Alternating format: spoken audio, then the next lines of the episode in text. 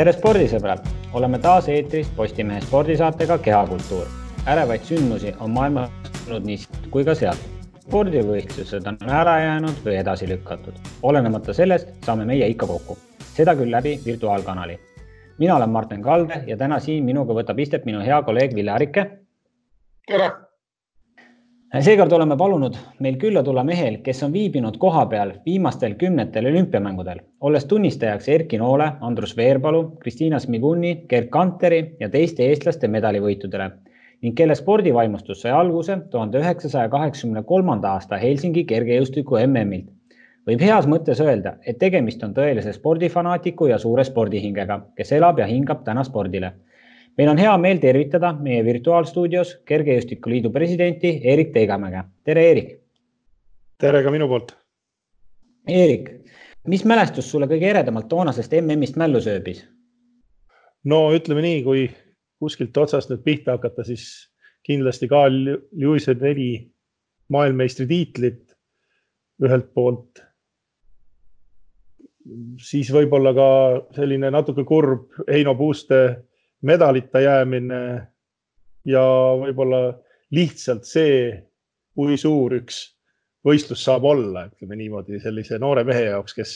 kes vot sellist suurt staadionivõistlust ei olnud telekast enne näinud. no olümpiamängud küll, aga olümpiamänge nii üle ei kantud, et ainult kergejõustikku oleks saanud nautida olin samamoodi äh, tol ajal selline kaheteist, kolmeteist aastane, kui see esimene mm toimus ja mina mäletan ka sellist asja, et äh, noh, too oli esimene võistlus, kui areenile tuli Sergei Puka ja ma ei tea, miks ta mulle meelde jäi, aga nagu me nüüd teame, et äh, temast sai ka järgmiste aastate megastaar, et kas ka sina panid Helsingis Pukat tähele? No ütleme nii, et ma arvan küll ja Pupkat ja teine noor mees, kes vist tookord võitis, aga tema muidugi kahjuks nii kauaks pidama ei jäänud, ma loodan, et ma nimega ei eksi, oli kõrgushüppe võitnud Avdejenko. Äh, aga Puka võistlus oli kindlasti, kindlasti üks, üks meelde, meeldejäävaid ja noh,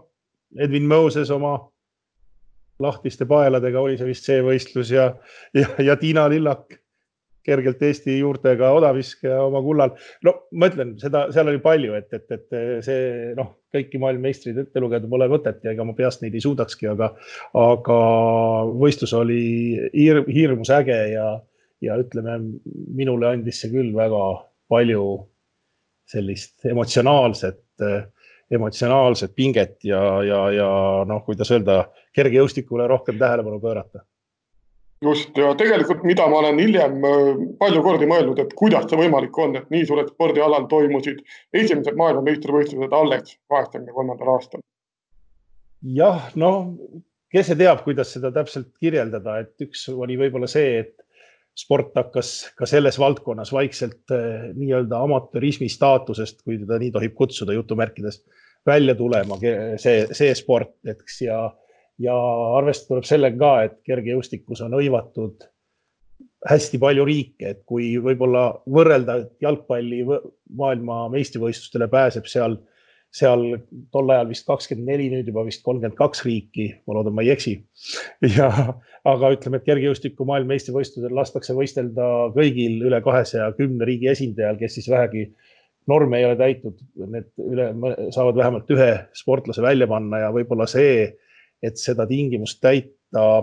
oli, oli üks selline asi, et miks, miks seda varem ei toimunud. loomulikult tol perioodil oli ka väga ambitsioonikas äh, Rahvusvahelise Kergejõustikuliidu president äh,. meie hulgast üheksakümne üheksandal aastal lahkunud Primo Neviolo, kes, kelle ambitsioonid olid väga kõrged ja kellele tuleb ilmselt ka noh, ühel või teisel viisil täna tänulik olla, et kergejõustik äh, sellise suurvõistluse ja muidu, muidu sellise tähelepanu sai, et et kaheksakümnendad olid ikkagi kergejõustiku rahvusvahelises arengus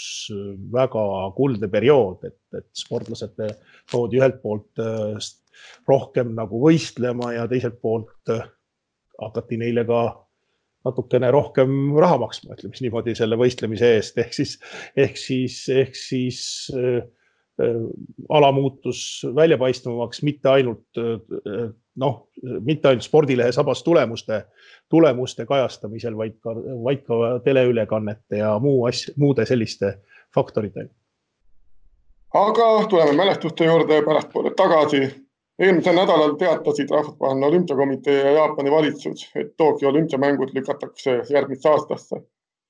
Rahvusvahelise kergejõustikuliidu president Sebastian Kõu kommenteeris, et selle sammuga toodi sportlased vaimsest segadusest välja Eerik, kui palju Eesti kergejõustiku tipud viimastel nädalatel sinu poole pöördusid seoses Tokyo mängude küsimustega? No me, otseselt minu poole ei pöördunud keegi, et siin on pigem, ma pean tunnistama, et ajakirjanikud on rohkem pöördunud, ausalt tunnistades, et, et sportlastega suhtleb meil, meil South Spordi juht ja noh, tema käest on mul küll info olemas, kui palju kontakte oli, kellel jäi üks ja teine laager juba ära. no ütleme nii, et tänase, tänasel teadmisel me kõik saame aru, et see on nagu peaaegu uus normaalsus, aga, aga tol hetkel, kui nad ära hakkasid jääma, oli see igal juhul nagu suurt, suurte plaanide muutus ja, ja, ja, ja, ja kui ütleme, olümpiamängud poleks edasi lükatud, siis ilmselgelt oleks, oleks olnud sellel võistlusel, juhul kui neid saab üldse, saaks üldse selle aasta juunis toimetada, oleks olnud sellel võistlusel nagu väga erinevalt ettevalmistusega osaleda saanud sportlased, ütleme nii ja, ja sportlased ootasid seda seetõttu, et hetkel ongi noh, kuidas ma ütlen,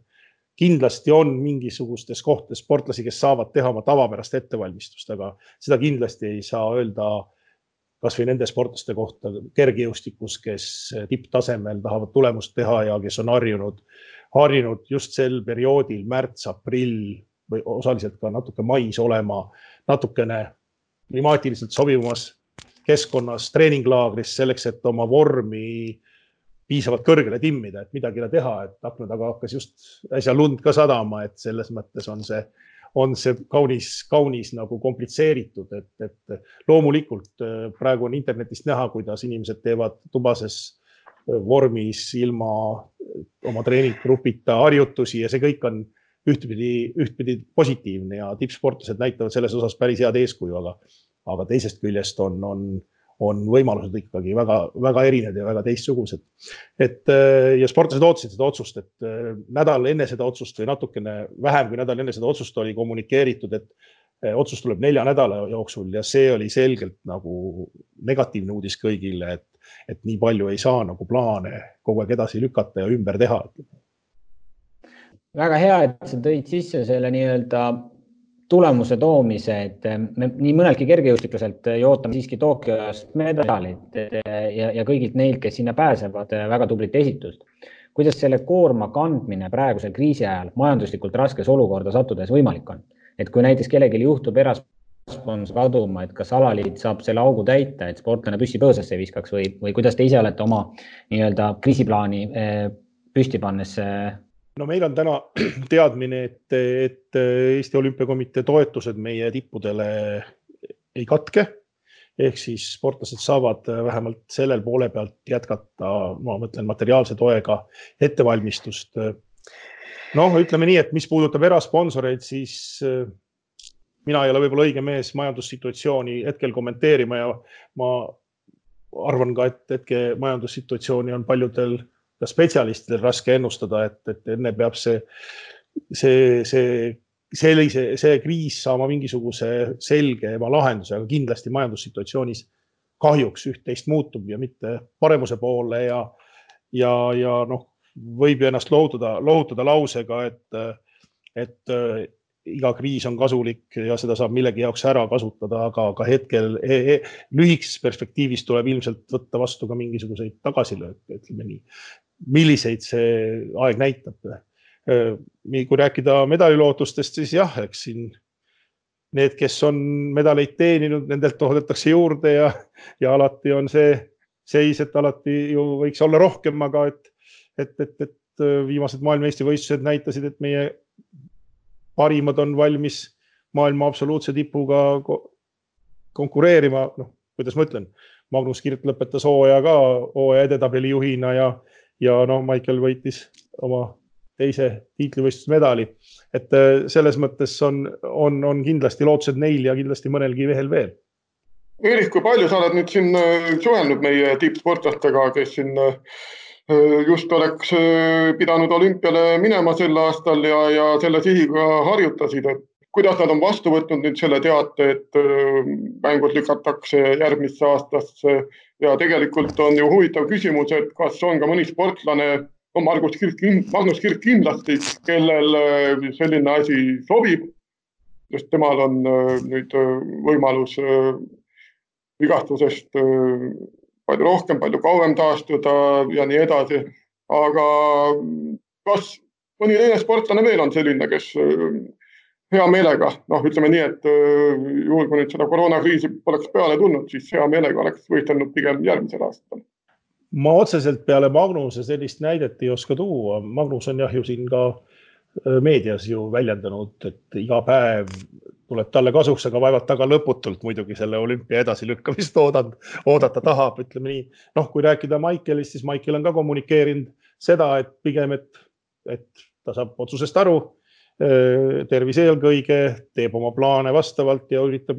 millal tahes need olümpiamängud toimuvad, olla parimas vormis. samas tuleb kergejõustiku puhul tähendada seda, et päris, päris paljud teised sportlased, ma nüüd rõhutan, ootavad tegelikult otsust selle aasta augustis toimuma pidanud või võib-olla toimuvate Pariisi Euroopa meistrivõistluste kohta ja täna hommikusel konverentskõnel, mis mul Euroopa Kergejõustikuliiduga oli, siis äh, seal veel selget otsust ei olnud. esmalt oodati, oodatakse ära kindlasti olümpia kuupäevad, aga nagu väideti täna, väideti Pariisi korralduskomitee esimehe poolt täna, siis tema kauem kui viisteist mai ei tahaks selle otsusega oodata, kas Pariisi EM toimub sel aastal ja mis kuupäevadel ta sel aastal sellisel juhul toimub. ja tunda oli, et nad ei taha seda EM-i väga järgmisesse aastasse lükata. kergejõustikus nimelt võib juhtuda see, et on ühel aastal kolm tiitlivõistlust ja seda võib-olla ühe aasta jaoks palju, tähendab kolm välistiitlivõistlust. lisaks veel kaks sisetiitlivõistlust ehk siis, siis EM, siis MM ja lisaks siis veel Euroopa meistrivõistlused, maailma meistrivõistlused ja olümpiamängud väljas et seda on võib-olla natukene paljuvõitu ja mitmed sportlased on selle teemaga küll, selle teemaga küll ühendust võtnud, et mis ma arvan, kas EM toimub. Ja ega vastus on nagu see tänanegi vastus endiselt sama, et et, et, et Pariisi korralduskomitee teeb kõik selleks, et see sel aastal toimuks, aga teatavasti on ka Prantsusmaal väga kõrgendatud eriolukord, ütleme siis nii ja, ja kui ikka riiki siseneda ei saa ja ja teiseks, kui ei ole selge, kas kõik Euroopa riikides sportlased, kergejõustiklased on olnud võrdsetes tingimustes, harjutustingimustes viimastel kuudel enne EM-i, siis, siis, siis see ei ole nagu võib-olla kõige, kõige lihtsam viis neid toimetada, eks seal on mitmeid majanduslikke aspekte ka, aga ütleme, et kindlasti tulevad need tervislikud aspektid esimesena. no siit automaatselt küsimus kohe, et kui järgmisel aastal toimuvad olümpiamängud, noh, jutt on olnud, et üks variant on teha kevadel, teine variant tavapärasel ajal juulis-augustis, mis, mille poole, poole tundub, et asjad hakkavad kalduma, siis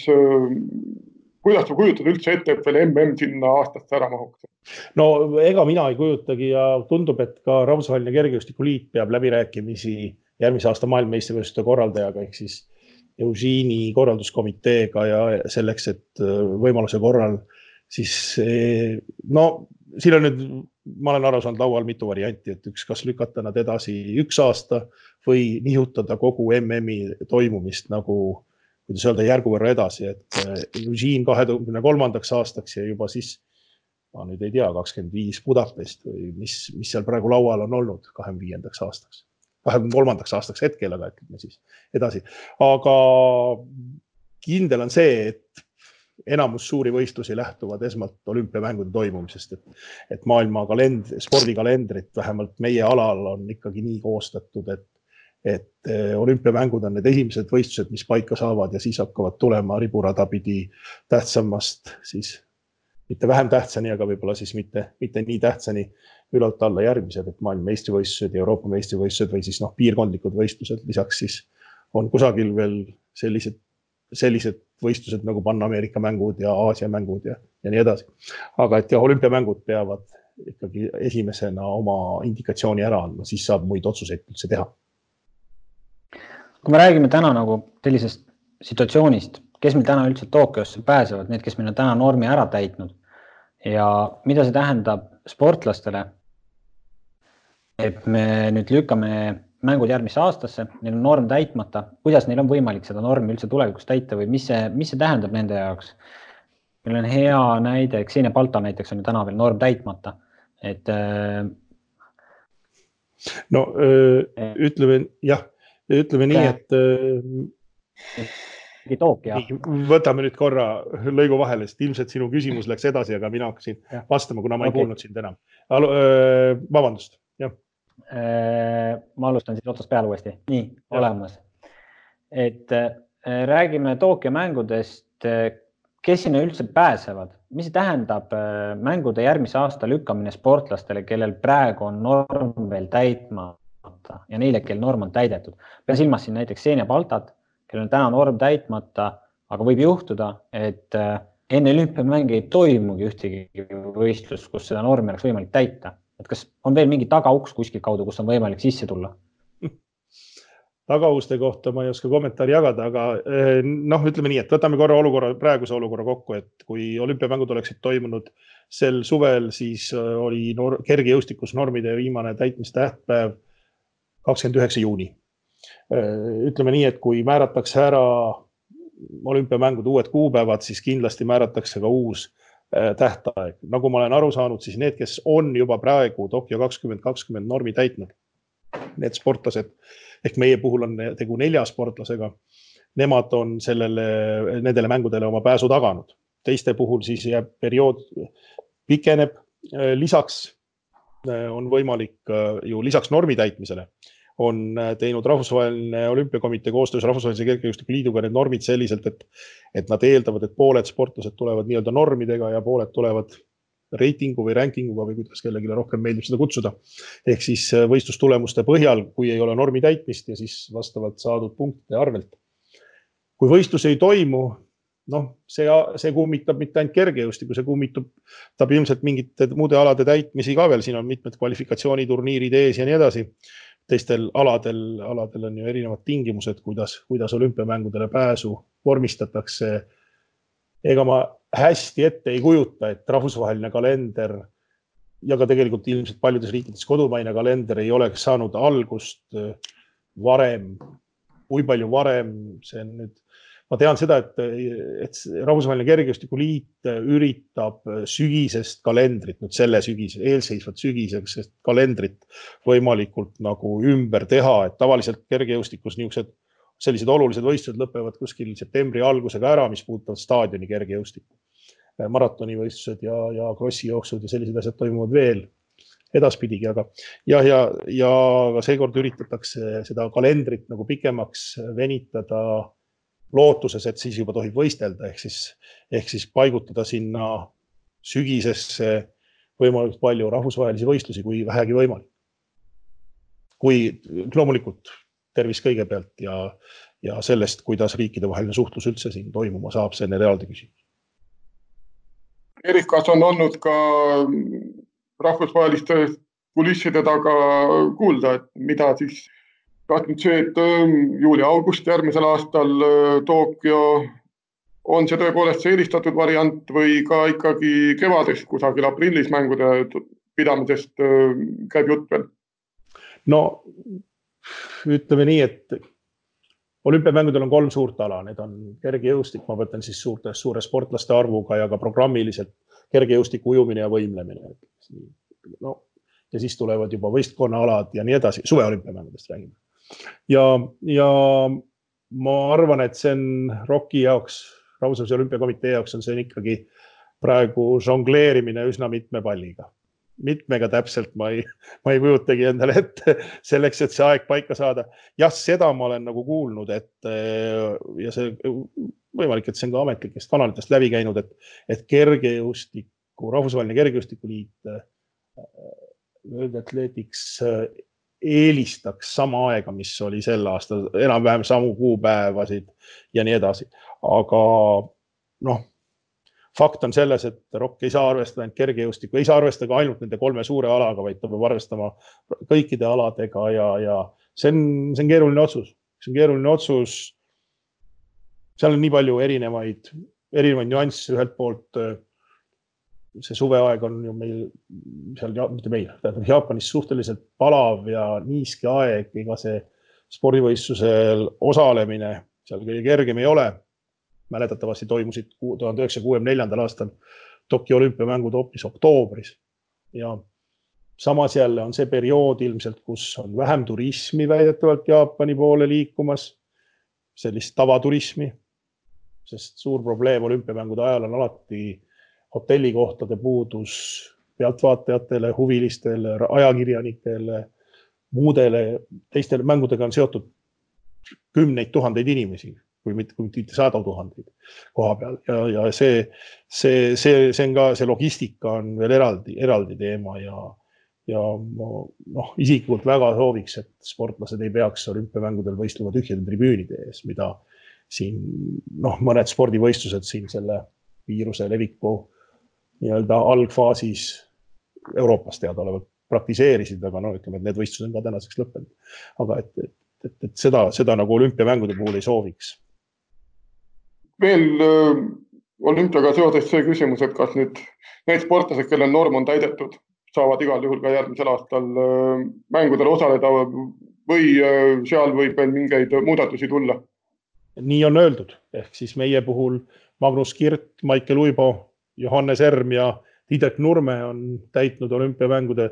praegused normid. väga võimalik, et neid norme muudetakse. ma mõtlen siis nende tulemuste poolt, et ka võib-olla noh, see sõltub ilmselt sellest eelmisest, eelmisest arutelust, et kui, kui, kui, kui palju sportlastel jääb võimalust võistelda ja võimalik, et võimalik, et tehakse mingisugune väike tagasiastumine normides, aga see on nüüd puhas minu fantaasia praegu selle jutu põhjal, et aga seda on välja öeldud jah, et need, need sportlased, kes on tänasel hetkel normid täitnud, nendel on olümpiamängudele pääs tagatud. kui nad seda ise loomulikult soovivad ja saavad. no minu spekulatsioon on muidugi see, kui nüüd järgmisel aastal mängud toimuvad juulis-augustis, et noh, siis ikkagi põhimõtteliselt terve see ja, ja uue aasta alguseks hiljemalt on elu normaliseerunud, et siis noh, ikkagi järgmise aasta kevad-suvine periood, noh mitu kuud on aega neid norme täita nendel, kellel veel täitmata? loodame, et normaliseerub, loodame, et normaliseerub varem muud ei saagi praegu öelda selle kohta. seda küll. koroonakriis tõmbab raha kõikjalt ähm, koomale, et äh, kas Kergejõustikuliit on ka kriisieelarvet hakanud tegema? kuidas sponsorite praegu tagasiside on?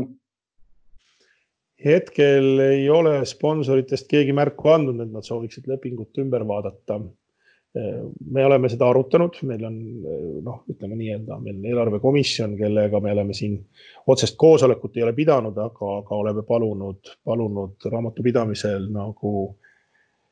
selle aasta eelarve endale välja saata et äh, sellisena, et, et mis, mis need, mis, mismoodi need read nagu peenemalt oleks, et, et mida, mida tuleb üle vaadata ja eks me hakkame seda nüüd üle vaatama. ühelt poolt on niisugune kahetsusväärne kokkuhoid. Äh, mõned võistlused oleme juba pidanud ära jätma ja, ja ilmselt peame mõned veel ära jätma ja noh, ütleme, et, et see on nagu see, see pool, et kulusid on nagu vähem aga, aga loomulikult tuleb olla valmis ka tulude pooleks ja kui arvestada seda, et, et äh, Eesti spordi suurim toetaja on ja seda mitte ainult kergejõustiku lõikes, vaid ilmselt ka paljude teiste alade lõikes,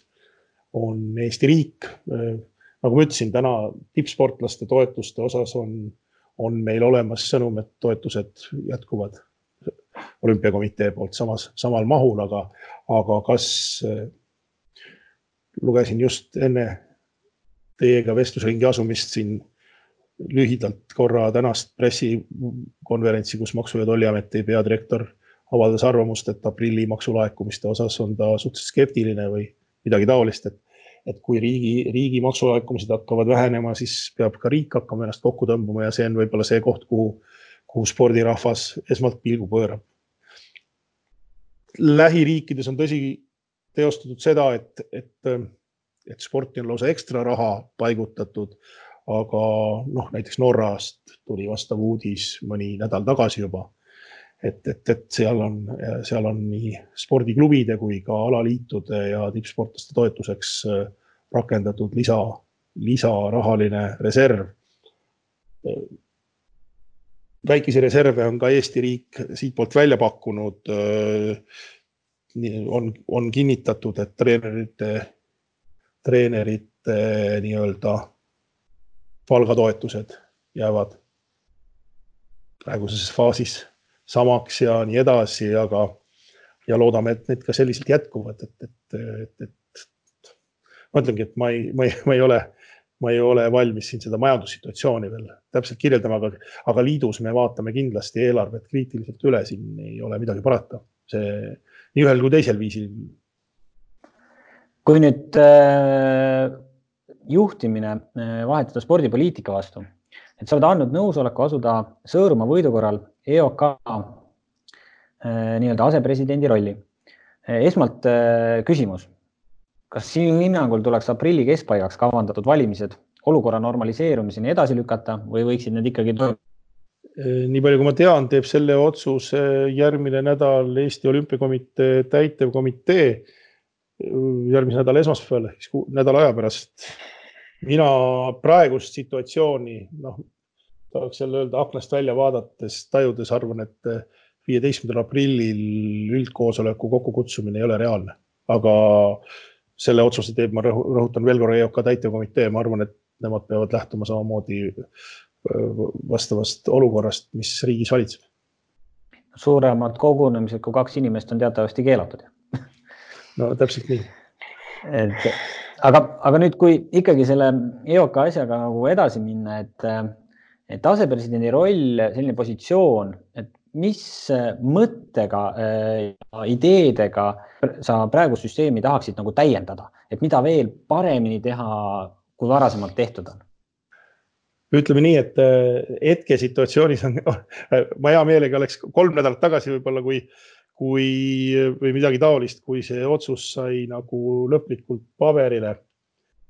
circa kolm nädalat tagasi, võib-olla natuke rohkem, siis, äh, siis oli Eesti sport äh, ühes seisus. täna on, ma arvan, neid hiromante vähe, kes oskab öelda, millises seisus Eesti sport siis on, kui eriolukord lõpeb. Hea meelega oleks see hiromant, aga, aga ei, julge öelda. kindlasti on see asepresidendi, asepresidendi kohale on, ma tean, viisteist kandidaati või midagi taolist, suurusjärk on vist viisteist seal. väga häid ja spordiga kursis olevaid inimesi, nii et asepresidendi valiku teeb ju president, kes on äh, Äh, valimistel valitud, see on Eesti spordi, Eesti spordi, ma, üks printsiipe. Kas ta on hea printsiip või mitte, seda noh, ma peaks isegi oskama öelda, sest ma olen olnud nüüd, varsti saab neliteist aastat Eesti kergejõustiku president ja suure osa Eesti spordiorganisatsioonide põhikirjad on sellised, et, et nad on väga presidendi kesksed põhikirjad, kui rääkida valimiste hetke. ja eks tegelikult ka valimiste vahelisel ajal on, on, kui me vaatame, et kellele neid nõudmisi, kas avalikkus või, või mis tahes muu väiksem või suurem grupp esitab alakeskselt, siis ikka esitatakse neid nõudmisi ju põhiliselt presidendile, kui rääkida nagu alajuhtimisest. Ja sama on ka olümpiakomiteel, et tee puhul, et ma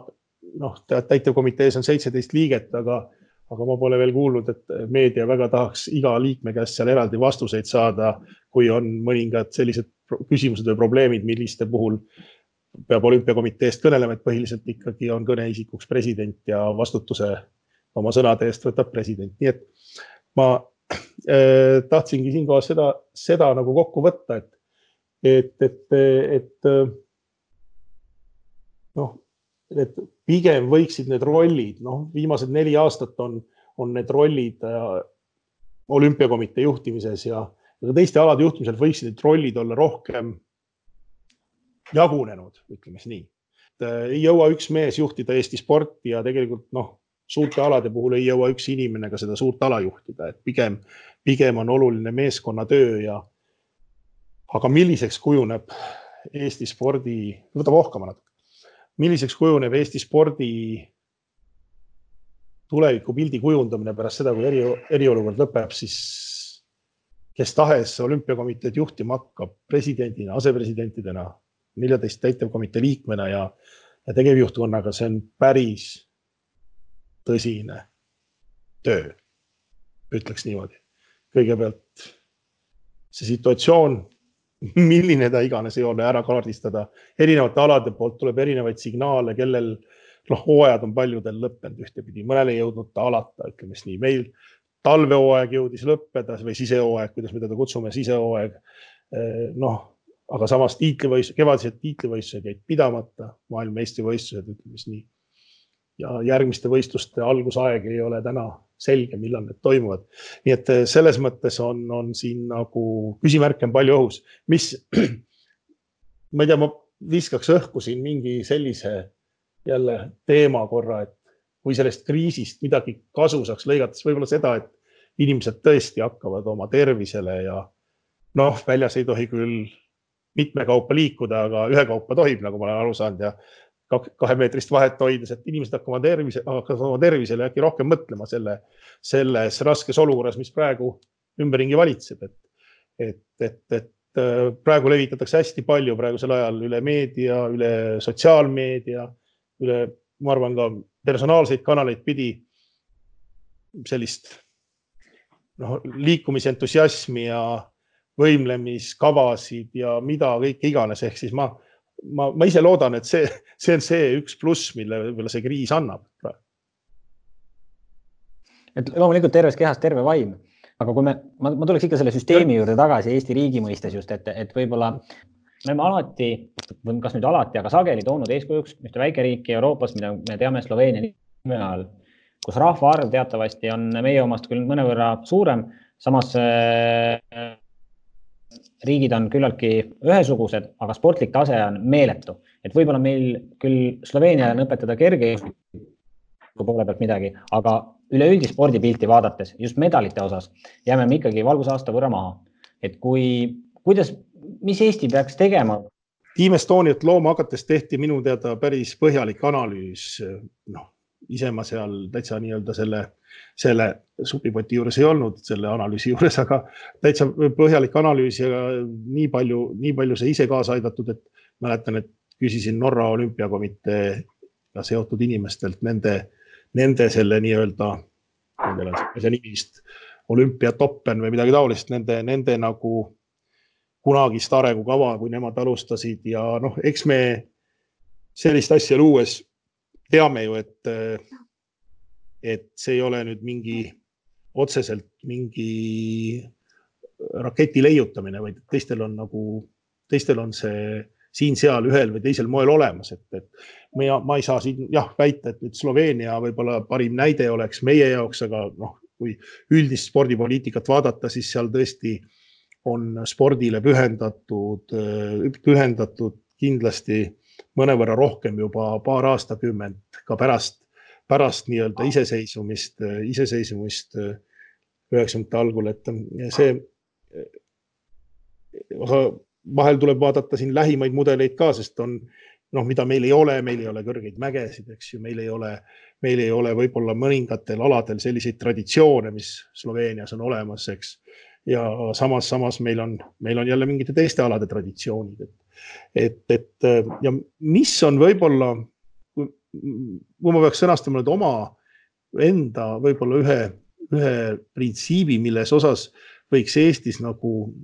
noh, kindlasti see Team Estonia kujundamine. mulle meeldib väga ka lause, et ega vahet ei ole, mis värvi või tõugu on kass, peaasi, et ta hiiri püüab aga ütleme, et,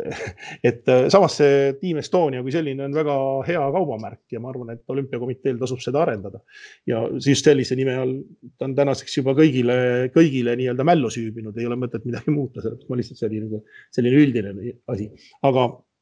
tagasi selle juurde, mis ma soovisin öelda, soovisin öelda, et mida, mida mina arvan, et tuleks vaadata, et meil on väga aktiivne noortesport, meil on noored teevad, harrastavad erinevaid alasid. kohapealne kohalike omavalitsuse toetus on kaunis suur, kui me vaatamegi, ka rahaline analüüs näitab, et, et, et, et kohalikud omavalitsused paigutavad sporti päris palju raha. aga nüüd on see koht, kus kohas need noored noortesport läheb üle professionaalsemaks spordiks või tippspordiks. et, et, et see tuleks defineerida nagu konkreetsemalt ära. see on erinevatel aladel erinev, see ei ole nii, et võtame kõik alad ühe mõõdupuu. võistkonnaaladel on ühtemoodi, individuaalaladel, ma toon nüüd võib-olla kohatuid näiteid, aga tennises ja võimlemises on see ikkagi teismelise iga, kus juba tippspordis esimesi samme tehakse kergejõustikus on seesamas selline juuniorite lõpp ehk siis üheksateist, kakskümmend, kakskümmend üks, kus on tähelepanu peab olema väga põhjalik äh, ja, ja, ja, ja teiste paljudel aladel kindlasti veel erinev ja mis, mis selle juures on oluline, et kui, kui, kui, kui me kuskilt alustame, siis see on see asi, mis iga ala on tegelikult enda jaoks seda mõnevõrra kaardistanud, lihtsalt täna, täna paljud alad on vaevelnudki ressursipuuduses, et seda et seda üleminekuiga nagu katta või kuidas seda täpselt öelda, eks ju. et, et, et meie, me noh, me tunneme täna muret, ma tõin selle korra enne välja ka, et, et meil ei olnud viimases äh, tiitlivõistluste, maailmameistrivõistluste koondises ühtegi naissportlast ja, ja me peame ka selle analüüsi enda, noh, me mõnevõrra oleme analüüsinud, aga, aga ütleme, seni oleme analüüsinud põhiliselt, põhiliselt statistika lõikes, et, et, et ega need näitajad ka varasemalt polnud head aga seekord lihtsalt, äh, kui nulli peale sattusime, siis äh, lõi see nii-öelda probleem meid nagu eriti valusalt ja sellele tuleb mõelda, et mis, mis siis, kui rääkida kergejõustiku põhjal, aga ütleme, et kõikide alade lõikes teha seda analüüsi. mõelda, mida on selleks vaja teha, on selle, on mõne ala puhul puudu rajatisest, mõne ala puhul treeneritest, mõne ala puhul millestki kolmandast mõne ala puhul välismaa spetsialistist, sest omal ei ole ja see ei ole väikse riigi kohta sugugi haruldane, et meil ei ole, kergejõustikus on meil kindlasti puudu mitmete distsipliinide nii-öelda tipptreenereid või nõustajaid ja, ja on ka meie viimased, mitte kõik, aga ütleme, et mõne viimane kuldmedal, senine kuldmedali võitja ju treeninud välismaa treeneri juures, ütleme siis niimoodi. ka Erki oma kulla võitis välismaa abilisi kasutades, nii et selles mõttes, äh, Gerd Kanterist rääkisime esimesel korral ja selle, selles mõttes, selles mõttes on siin noh, iga ala on natuke spetsiifiliselt erinev, aga et võib-olla see analüüs oleks see, millele esi, mis esimesena tuleks ära teha. milles noh, meil, meil on teada, et, et eestlane küpseb kauem, ta ei, ei saavuta võib-olla kahekümne ühe, kahekümne üheksateist aastaselt äh, nii-öelda seda oma võimete tippu, ta teab, et tal on nagu luuavarres padruneid küll veel, aga nüüd tekibki see raske hetk, kool saab läbi. Äh, kas meil võiks olla valitsuse poolt äh, riiklikult toetatud fond, just see kooli lõpp, kaks, kolm, neli aastat, äh, ühe tsükli, olümpiatsükli, rahalist ressurssi, et seda sportlast arendada, kui tal on potentsiaali. Või mis sa arvad, kas, kas see mõttetu või, või mõistlik tegevus? kas, kas me näeme sealt, äh, kui ta pole kahekümne esimeseks eluaastaks midagi saavutanud, et kas tal on veel potentsiaali sealt edasi liikuda? noh, ma räägin veel korra, erinevate alade lõikes erinev, aga üldiselt võib-olla jah, selleks ajaks võiks olla selge, kas tal on potentsiaali liikuda ja tahtmist teha sporti, et ega siin tahtmise taga on ka teinekord mõnigi asi, et alati ei ole tegu materiaalses ressursis. et, et, et seda äh, noh, see võikski selle Team Estonia kui sellise roll olla, üks roll, mitte põhiline võib-olla, aga, aga üks põhilisi rolle, mis esmalt tuleb ära teha, kui see, see ja, ja jooksvalt seda kaardistada, ega uued noored sportlased tulevad peale ja kahjuks ka teisest otsast väljuvad spordist, ütleme siis nii mingisugusel eluaastal. jah, on ka muid põhjusi, ei ole alati materiaalsed põhjused, on, on vigastused, on, on, on mingid uued huvid ja muud, muud väljavaated, eks ju, ja, ja uued väljavaated, aga, aga, aga seda tulebki igal alal nagu analüüsida Kau,. kaua seda sportlast sõna otseses mõttes võiks vedada, et kus see viimane piir on, et ma arvan, selleks, selleks peab, selleks peab olema natuke parem spetsialist kui mina, ütleme nii, seda ütlema, et, et, et, et, et, et noh, ma toon kergejõustikus Ameerika näite siis võrdluseks et äh, Ameerika Ühendriikides on väga hästi välja arendatud üliõpilassport ja kergejõustikus, ujumises, kindlasti paljudel teistel aladel, korvpallist rääkimata näiteks, äh, paistab see väga hästi silma. et seal on reegel suhteliselt lihtne, et äh, see äkki neli aastat, mis sa oled üliõpilassportlaste nimekirjas, see aeg on sul olemas täielik tugi ülikooli poolt, noh, seda, seal on küll erinevaid vorme, natuke rohkem, natuke vähem, aga üldjoontes on sul nagu elementaarsed asjad tingimusel, et sa läbid korralikult oma ülikooli kursust eh, tagatud. ja pärast seda vanuses umbes kakskümmend kaks, kakskümmend kolm oled sa oma pead. Eh, jah, seal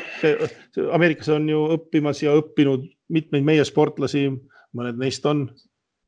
pärast seda olnud mõni aasta oma, oma pead, praegu võib-olla noh, mõnevõrra oma pead kahjuks. Praegu võib-olla kõige parem näide ongi just hiljutine medalivõitja Maicel Uibo, kes, kes pärast ülikooli, tal ei ole kõige, olnud kõige kergem, kergem nii-öelda elu ja kõige kergem kohaneda nii-öelda tippsportlase karjääriga, vigastused sealhulgas. aga pea püsti tuli sellest asjast välja, nii et noh, aga see pole võib-olla kõige parem näide, ma tahtsingi tuua seda näidet, et, et ka nii-öelda Ameerika kodakondsed, nendel ei ole riigis ootamas mitte ühtegi tugisüsteemi, välja arvatud see, kui sa pärast üliõpilase karjääri, üliõpilasspordi karjääri lõppu ei leia endale kohe mõnda Nike'i või muud varustuskompaniid või, või mõnda muud sponsorit või on vanematel tahe sind neli-viis aastat veel toetada või midagi muud. ühesõnaga sarnast või vanemate heal sõbral näiteks, aga, aga, aga nemad on kohe oma pead ja sul on valida, kas sa lähed profisportlaseks ja sa suudad ennast üleval pidada või sa lähed tootvale tööle. Hea, hea näide on Margus Hunt tegelikult, vahetas küll ala, aga siiski no, suur padu Eesti kergejõustikule. noh, nii ja naa ma ei tea, kas me seda detailselt lahkuma peame hakkama, et mul on Marguse üle väga hea meel, et ta, et ta noh, andeka sportlasena endale veel mõni aasta varem tund, täis tundmatul alal läbi lõi. See on ikka noh, täna küll on ta nagu äh, vaba agent, aga, aga siiski, et, et tasud on olnud, ma arvan, et nii mõnigi sportlane, kes meil siin kolmkümmend aastat tööd rügab, ei teeni ka elu jooksul nii palju, kui üks mees teenida võib. kasutaks võimalust ja ütleks, kahjuks see nii on mitte Marguse suhtes, vaid vastupidi nende suhtes, kes kolmkümmend aastat peavad rügama et sellepärast mul see küsimus oli ka indikeeritud varasemalt, et kuna meil on väga äh, noh, häid näiteid tuua, kus äh, vanemat generatsiooni on koondises hoitud aastaid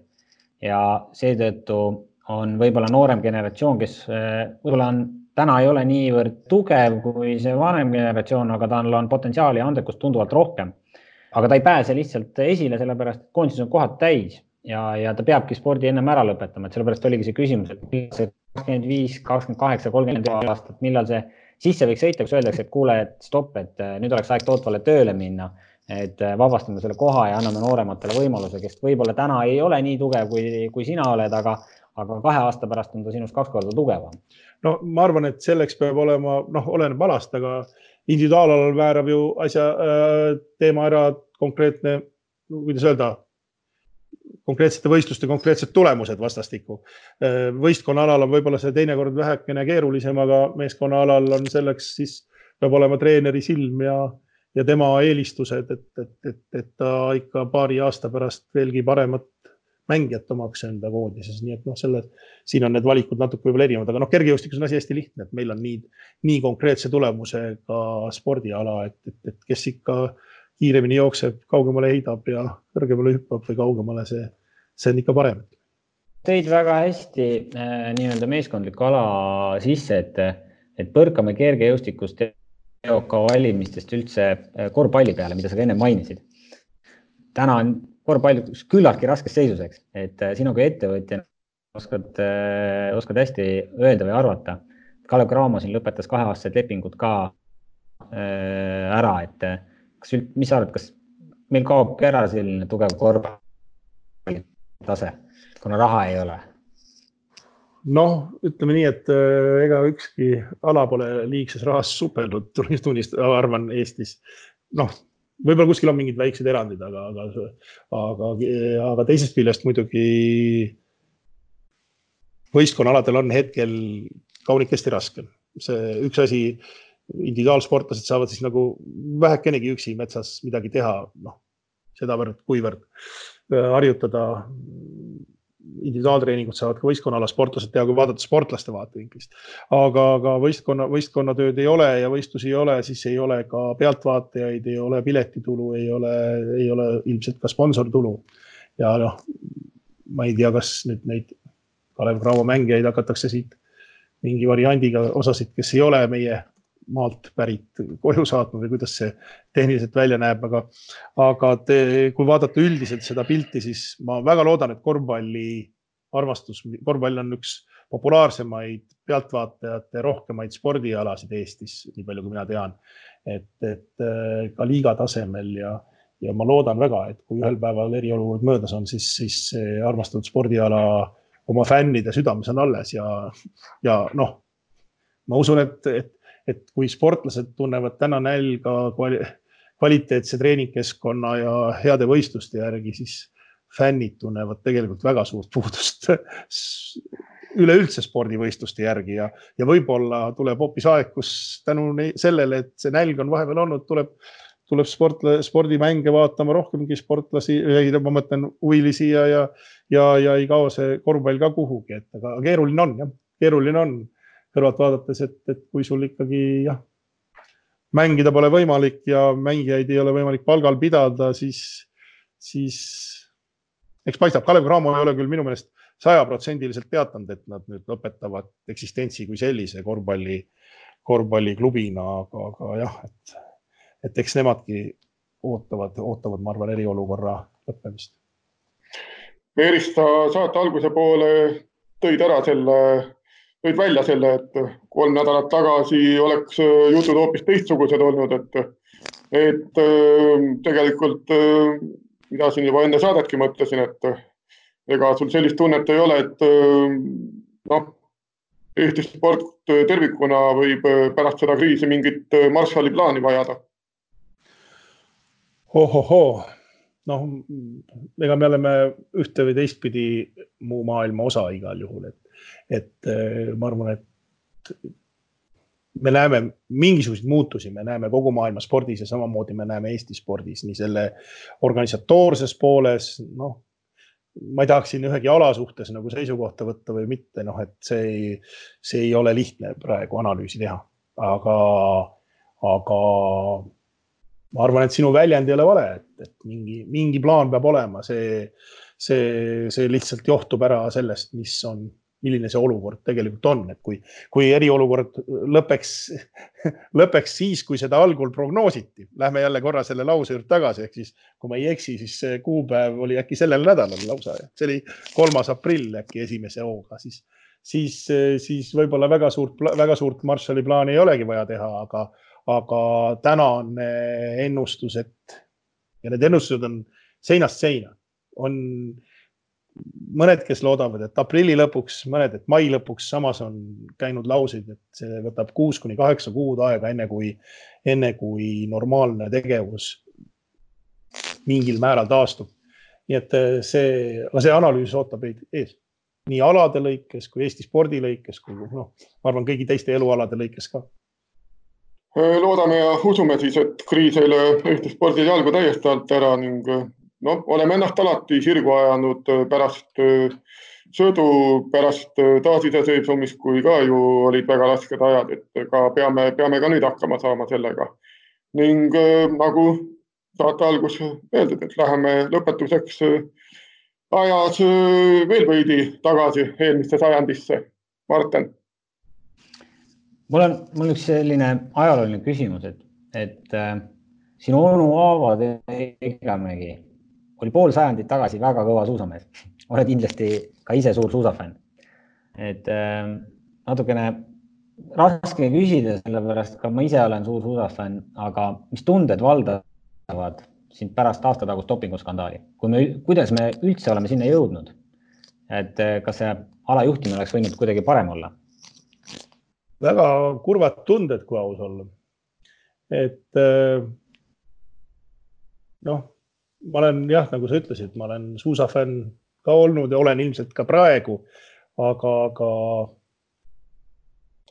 noh, tagantjärgi on jube hea tark olla, jube lihtne tark olla, eks ju, et, et, et, et ühelt poolt ma olen saanud oma rõõmupisarad tegelikult ju kätte mitmete suusa